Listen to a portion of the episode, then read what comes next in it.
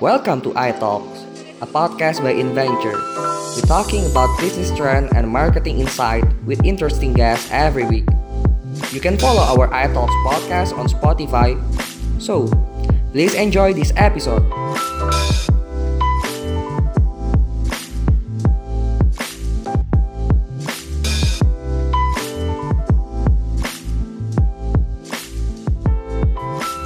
Halo marketer, kalian sedang mendengarkan In Talk, Adventure Talk, podcast yang membahas hal-hal yang terjadi di sekitar kita, sesuatu yang dekat, namun dibahas dari sudut pandang bisnis dan marketing.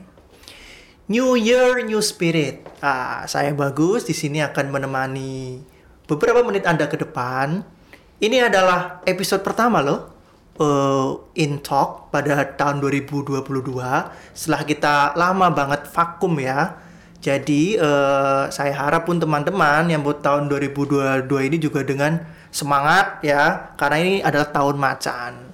Hari ini uh, saya ditemani uh, one and only ya. Kalau saya itu biasa nyebutnya ini El Phenomenon, Mas Farid Fatahila. Saya sapa dulu nih. Halo, Mas Farid.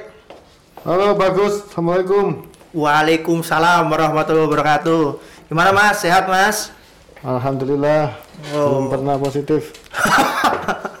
Jangan sampai lah ya mas ya, berbahaya ya. Kasusnya juga sekarang ya syukur-syukur juga teman-teman ya karena ini omikron masih uh, ada ya. Uh, kita sama-sama waspada, selalu cuci tangan, pakai masker ya kan dan selalu ya jaga kesehatan lah ya. Mas Farid ya, Ya. ini kan kita biasa ya di in talk itu ya membahas kayak fenomena-fenomena yang dekat ya selama sepekan terakhir terjadi di sekitar kita, cuman dalam sudut pandang marketing dan bisnis. Saya ini Ya. penasaran nih, Mas Farid nih ya, karena eh, kemarin tuh ada sempat booming di Twitter itu akunnya Mbak Devina Hermawan kalau Mas Farid tahu. Oh ya, Chef Devina. Ya, Ya. betul Mbak Devina Hermawan. Chef Devina Hermawan ya. Itu kan eh, apa? Katanya itu kitchen goals ya. Kalau misalkan kata teman-teman saya, terutama yang perempuan ya, selalu kayak apa? eh, berhayal pengen punya kitchen seperti Mbak Devina Hermawan. Wah. Cuman yang menarik di sini nih ya, Mas Warid ya, Mbak Devina Hermawan ini itu eh, nge-tweet awalnya ini dari eh, tweet dia tentang bukan flexing ya, tapi dia itu kayak post tweet gambar pisau ya kan, cuman harganya 30 juta. Hmm. Nah, yang paling menarik di sini dan kemudian membuat netizen geger itu tuh kemudian tweet Devina Hermawan itu disamber sama adminnya Tepung Bogasari. Oh ya. Nah, mereka apa si adminnya Tepung Bogasari ini apa reply kan bilang, "Wah, pisaunya tajam, Kak, sampai bisa apa? memotong kemiskinan." Langsung lah geger. Nah, Devina Hermawan ini kemudian nge-quote tweet si apa adminnya Bogasari kan. Devina nge-tweet gini untuk membales eh, yang admin Bogasari. Kalau misalkan mau memotong kemiskinan, ya mending eh, kalian tepung Bogasari itu bagi-bagilah tepung ya kan beberapa ton untuk pedagang, UMKM dan lain-lain gitu kan. Ternyata langsung dieksekusi sama apa admin dari Bogasari, bahkan di kayak live report gitu kan bahwa eh, mereka udah membagikan tepung meskipun yang mereka bagikan itu satu ton gitu. Hmm. Nah, bagi saya nih ya Mas Farid ya sebagai orang awam, ini kan semacam apa ya? Saya sih mungkin melihatnya ribut-ribut biasa ya di sosial media gitu kan dan bahkan sempat terbersit itu apa ini semacam blunder ya dari admin Bogasari gitu kan. Cuman kan mungkin berbeda ya Mas Farid ya pandangannya dari sudut pandang marketing gitu kan. Dan apa yang buat saya penasaran itu itu memang mereka itu isidental terutama tepung bogasarinya atau sebenarnya itu keributan itu itu tuh by design gitu loh Mas Farid tuh. Apa itu fenomenanya? Namanya itu apa Mas Farid tuh? Ya, eh, kalau kita lihat ya kemarin memang sempat sangat viral ya. karena kontennya sendiri pun awalnya kan juga memang eh, sasaran empuk netizen lah. Ya, karena kita tahu kan kalau netizen kalau udah ngomongin soal flexing soal hal-hal yang berbau dalam tanda kutip pamer kekayaan dalam tanda kutip ya itu memang pasti banyak menuai eh, tanggapan ya. Entah itu apakah positif atau negatif itu ya nah, apa macam-macam lah tergantung kontennya tapi memang kalau apalagi sosmed seperti Twitter kan tema-tema seperti itu memang selalu rame gitu jadi perbincangan gitu. Nah, apalagi yang kemarin membandingkan apa iPhone eh, seharga 20 juta terus dibandingkan sama pisau 30 atau 40 juta gitu kan. Untuk sebuah pisau yang mungkin bagi kebanyakan netizen kita itu kan eh, pisau apa harga sejuta aja mungkin udah wow ini 40 juta gitu kan. Parah, pasti kan rame kan pasti apa namanya eh, nah terus ada sebuah brand nebeng lah istilahnya ya kayak wah rame nih gitu kan. Langsung di sliding lah. Wah apa bisa nih buat memotong kemiskinan itu kan. Itu kan eh, sebuah komen yang se- cukup relate ya. Menurut saya sebuah brand cerdik ya ngambil ini ya ngambil celah komennya itu benar-benar menohok itu kan. Karena ngomongin pisau ngomongin pisau mahal. Eh, pisau untuk motong motong untuk eh, mahal yang identik dengan kekayaan terus ditabrakkan ke kemiskinan. Nah ini komen yang menurutku sangat cerdas gitu kan. Eh dibalik komen lagi kan sama si Jeff Devinanya malah jadi berani nggak situ memotong kemiskinan dengan membagikan apa bagi-bagi tepung kalian tepung terigu berapa apa, ton gitu kan. Wah, langsung makin rame lah netizen kayaknya. Apa ngo- kan sempat dihapuskan tweetnya itu kalau nggak salah eh, tweetnya si Bukasari itu. Benar, benar. mungkin ada sel- setelah berapa waktu muncul lagi langsung dijawab tantangan itu. Oke kita siap bagi-bagi ya. Ini kelihatannya memang sangat eh, spontan gitu. Tapi kalau aku lihat ya eh, dengan pola-pola yang pernah terjadi sebelumnya gitu kan. Kayak gini tuh ya memang eh, apa namanya eh, bisa dua sisi tadi ya, memang benar-benar spontan atau memang justru sangat by design gitu kan. Eh, membuat keramaian ini sebenarnya by design gitu. Kalau aku lihat dari kaca marketing ya mau dua-duanya sih sah-sah aja gitu kan. Apa justru malah memang eh, masih even by design pun masih terlihat otentik masih terlihat eh, itu organik gitu kan. Itu yang eh, sebuah kreativitas yang memang susah dilakukan Eh, nggak nggak nggak semua brand atau nggak semua campaign bisa kayak gini gitu kan. Karena biasanya kan kalau kita lihat eh, campaign-campaign yang ada sehalus apa pun kadang ego brand itu tetap muncul ada hashtagnya. Akhirnya orang melihat nggak organik lagi gitu kan. Nah ini menurutku kemarin eh, sebuah manuver yang cukup cerdik sih.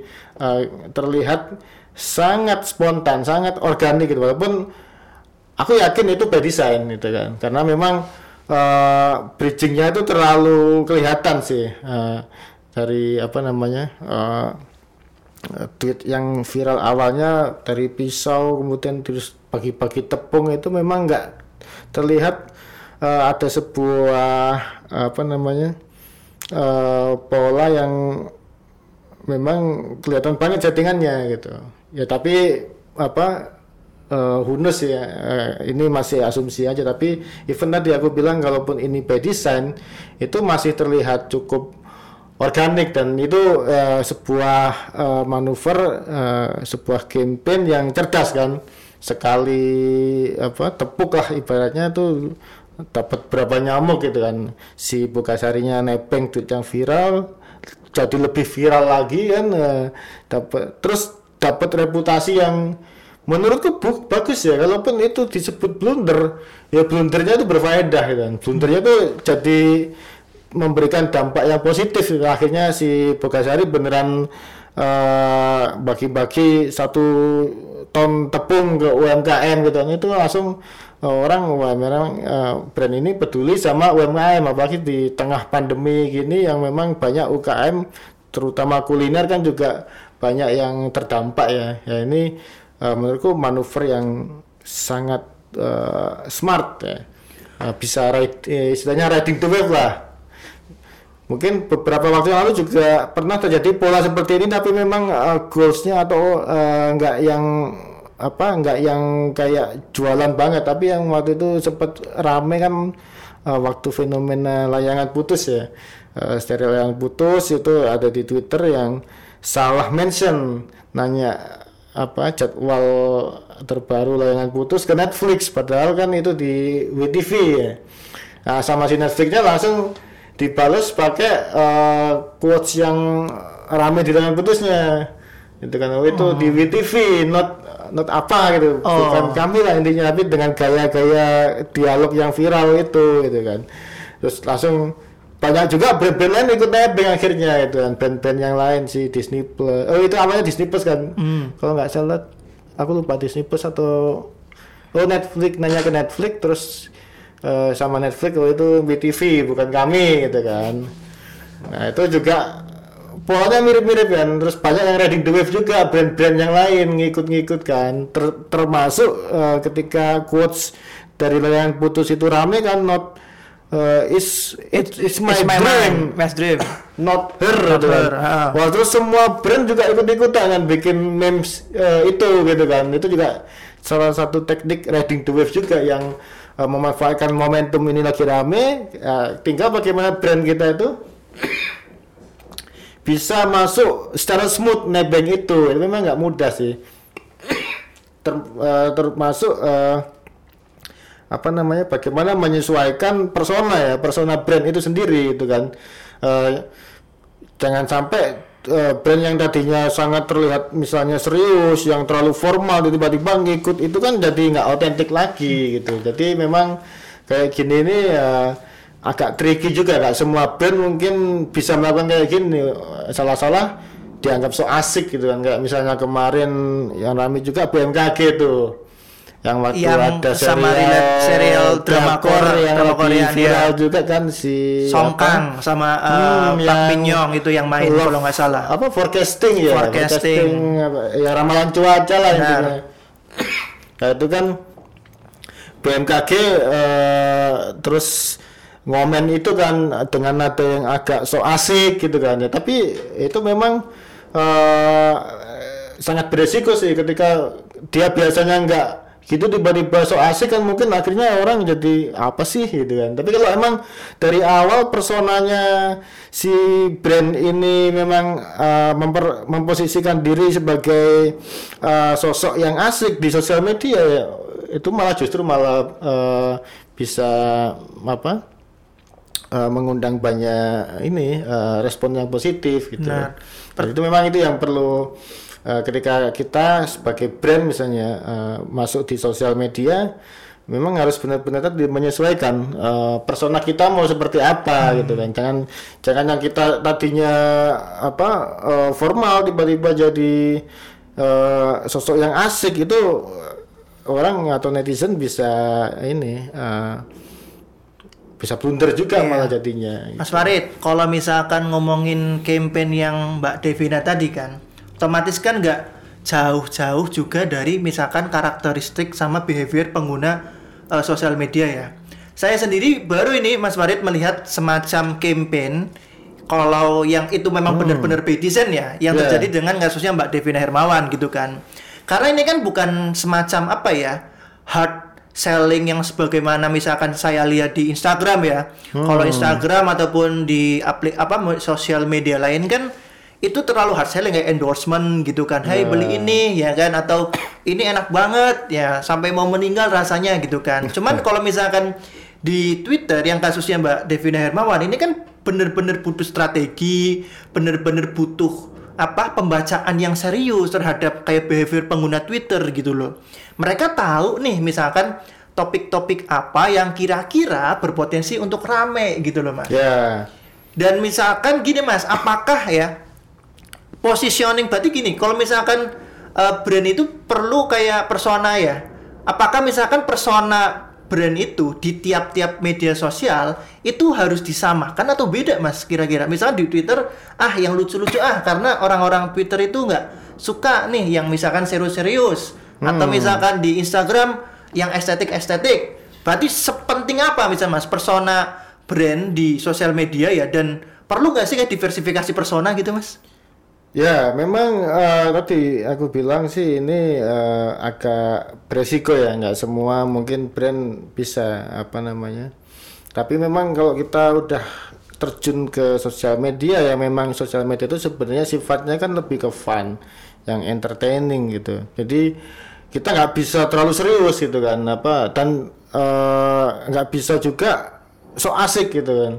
So asik tapi jauh dari persona kita gitu kan. Makanya memang perlu benar-benar ini sih eh, perlu punya strategi besarnya memang gimana kita eh, hadir di sosmed itu eh, perlu dipikirkan tadi kita mau apa kalau brand kita itu sebagai manusia yang hadir di media sosial itu jadi sosok yang seperti apa gitu kan makanya memang eh, kayak kayak gitu eh, sangat tricky memang. Nggak semua nggak semua bisa melakukannya gitu kan. Ada yang jatuhnya jadi so asik. Kayak kalau aku lihat ya terutama beberapa akun eh, resmi pemerintah itu kan. Terutama kayak kementerian atau badan apa gitu lembaga. Kadang jatuhnya tuh eh, template juga apa nyapa penggemar eh apa followernya itu tiba-tiba sama semua pakai sobat sahabat itu kan. Nggak yang bikin sendiri yang apa gitu kan. Jadi so asik sendiri. Kadang juga apa malah menurutku bisa blunder juga gitu. Memang perlu ini sih eh, sosial media strategisnya atau digital strategis dari akun-akun media sosial itu perlu ini sih eh, dipikirkan betul. Persona seperti apa yang pengen dibangun gitu kan jangan tiba-tiba so asik so ini atau jangan terlalu serius juga gitu kan. Ini media sosial bukan yang eh, apa bukan yang hal yang sangat serius gitu. Memang perlu tadi kuncinya memahami eh, karakteristik audiensnya gitu.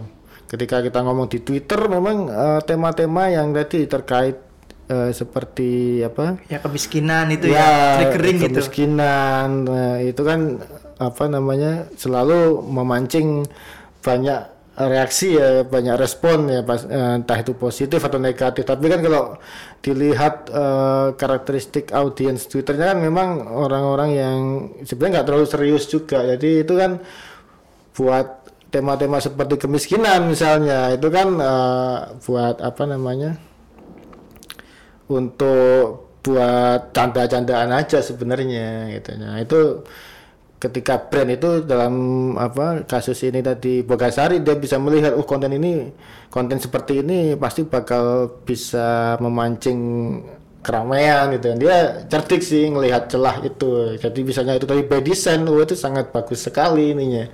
Smooth gitu ininya apa namanya eh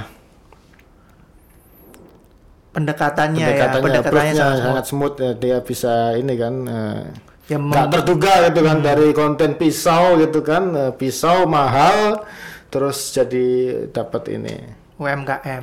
Mas Farid ini mungkin las ya. Kalau misalkan ini menarik sekali ya kayak apa campaign di sosial media menarik memancing keributan lewat Twitter. Jujur saya ini for the first time loh ya Mas Farid. Entah ada contoh lain atau enggak.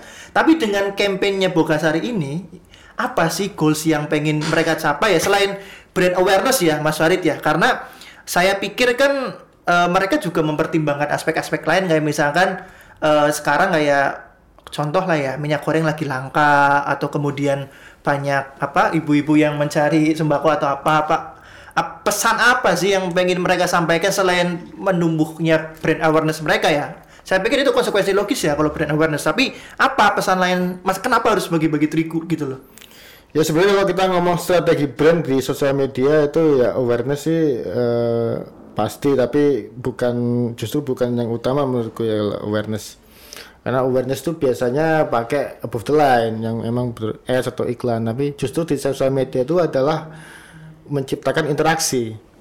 Jadi me- mencari engagement lah jadi eh, di sini aku lihat Bukasari tadi cerdik sih memanfaatkan eh, memang eh, tema-tema seperti ini bakal pasti banyak feedback, banyak respon gitu kan. Jadi dia mungkin menunggangi itu untuk tadi dapat menciptakan interaksi juga kan langsung viral berapa itu yang komen yang ini kan dia dapat promosi gratis ya selain eh, awareness itu udah pasti kan dengan viral itu aja udah berapa reachnya exposure-nya di sana. Dan yang terpenting adalah tadi menciptakan asosiasi atau reputasi itu kan. Jadi ketika itu apa bridgingnya sangat smooth dia ingin dipersepsi atau di apa asosiasikan bahwa brand Bogasari ini sangat peduli sama UMKM gitu. Terutama UMKM kuliner yang kita tahu pandemi dua tahun ini sektor kuliner terutama UMKM paling banyak terdampak ya. Ketika orang nggak bisa makan di luar gitu kan ya apa itu kan sektor kuliner cukup terpukul walaupun juga bisa untuk apa uh, bangkit. Tapi kan memang uh, ini jadi sebuah moment of truth kan, apa bagi hmm. Bukasari itu kan. Dia langsung dipersepsi bisa dipersepsi menjadi brand yang peduli pada UMKM terutama kuliner. Karena kan memang bisnis dia lebih ke kuliner kan tepung untuk apa roti gorengan dan lain-lain. Nah itu menurutku goalnya memang ke situ. Jadi tercipta interaksi tercipta asosiasi dan reputasi gitu kan. Dalam artian yang positif. Oke. Okay. thank you Mas Farid. Jadi begitu marketers. Uh, kasus heboh-heboh Devina Hermawan dan Bogasari uh, pada akhirnya muaranya adalah bagaimana membentuk asosiasi, membentuk reputasi yang bagus bagi uh, sebuah brand. Thank you teman-teman sudah mendengarkan. Kita akan ketemu ya mungkin di next episode selanjutnya di In Talk Inventor Talk. Bye dan stay healthy. Dadah.